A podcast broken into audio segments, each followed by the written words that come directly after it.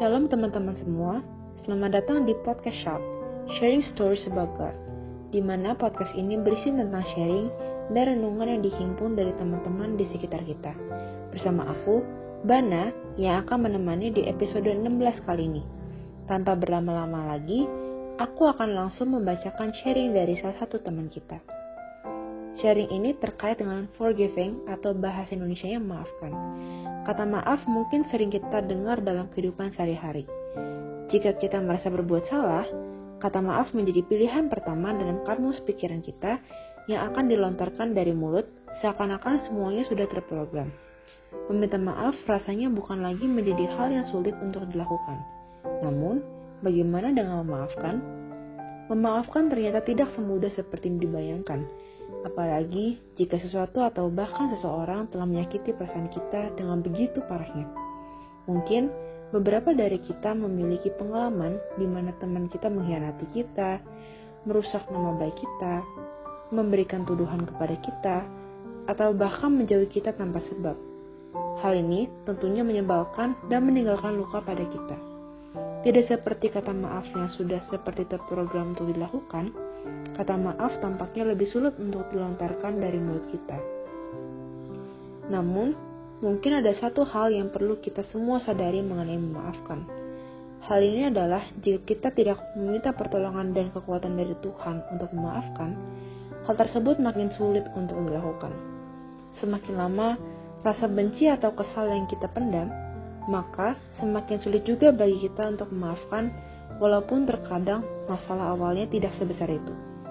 Hal ini juga sesuai dengan ayat yang tertulis pada kitab Efesus 4 ayat 26 sampai 27. Apabila kamu menjadi marah, janganlah kamu berbuat dosa. Janganlah matahari terbenam sebelum padam amarahmu dan janganlah beri kesempatan kepada iblis. Satu hal lagi yang dapat menguatkan kita untuk akhirnya mampu memaafkan adalah kesadaran diri bahwa kita ini juga sesama manusia yang membuat banyak sekali pelanggaran. Tetapi Tuhan Yesus tetap mau mengampuni dan bahkan mati di kayu salib untuk dosa-dosa kita. Jadi, siapakah kita yang tidak mau mengampuni orang lain?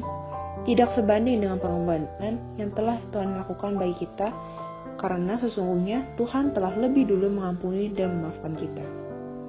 Nah, teman-teman, melalui sharing tadi, kita semakin diingatkan lagi untuk dapat memaafkan apa pun itu yang meninggalkan luka pada hati kita. Terkadang, kita juga cenderung gengsi untuk memaafkan hanya saja orang lain telah berbuat salah lebih dulu kepada kita. Namun, kembali lagi, melalui sharing sekaligus podcast kali ini, kita kembali diingatkan untuk mau dan dapat memaafkan orang lain. Hal ini perlu kita lakukan sebagai bentuk rasa syukur kita kepada Tuhan karena telah memaafkan kita terlebih dulu. Wujud kedewasaan iman kita dan juga sebagai perwujudan adanya kasih dan roh kudus di dalam diri kita. Oleh karena itu, Mulai sekarang, kita haruslah mampu memaafkan orang lain. Memaafkan orang lain adalah hal sederhana yang Tuhan inginkan terjadi pada hidup kita. Tetapi, sampai sekarang, masih sulit untuk kita lakukan karena berbagai hal.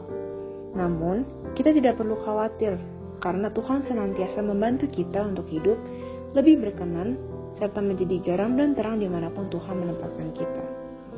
Selanjutnya, untuk teman-teman yang juga merasa terberkati, baik melalui pengalaman, kesaksian, ataupun bacaan renungan, boleh juga berbagi melalui kotak renungan ya, agar berkat dan teman-teman rasakan dapat menjadi berkat buat teman-teman yang lain juga.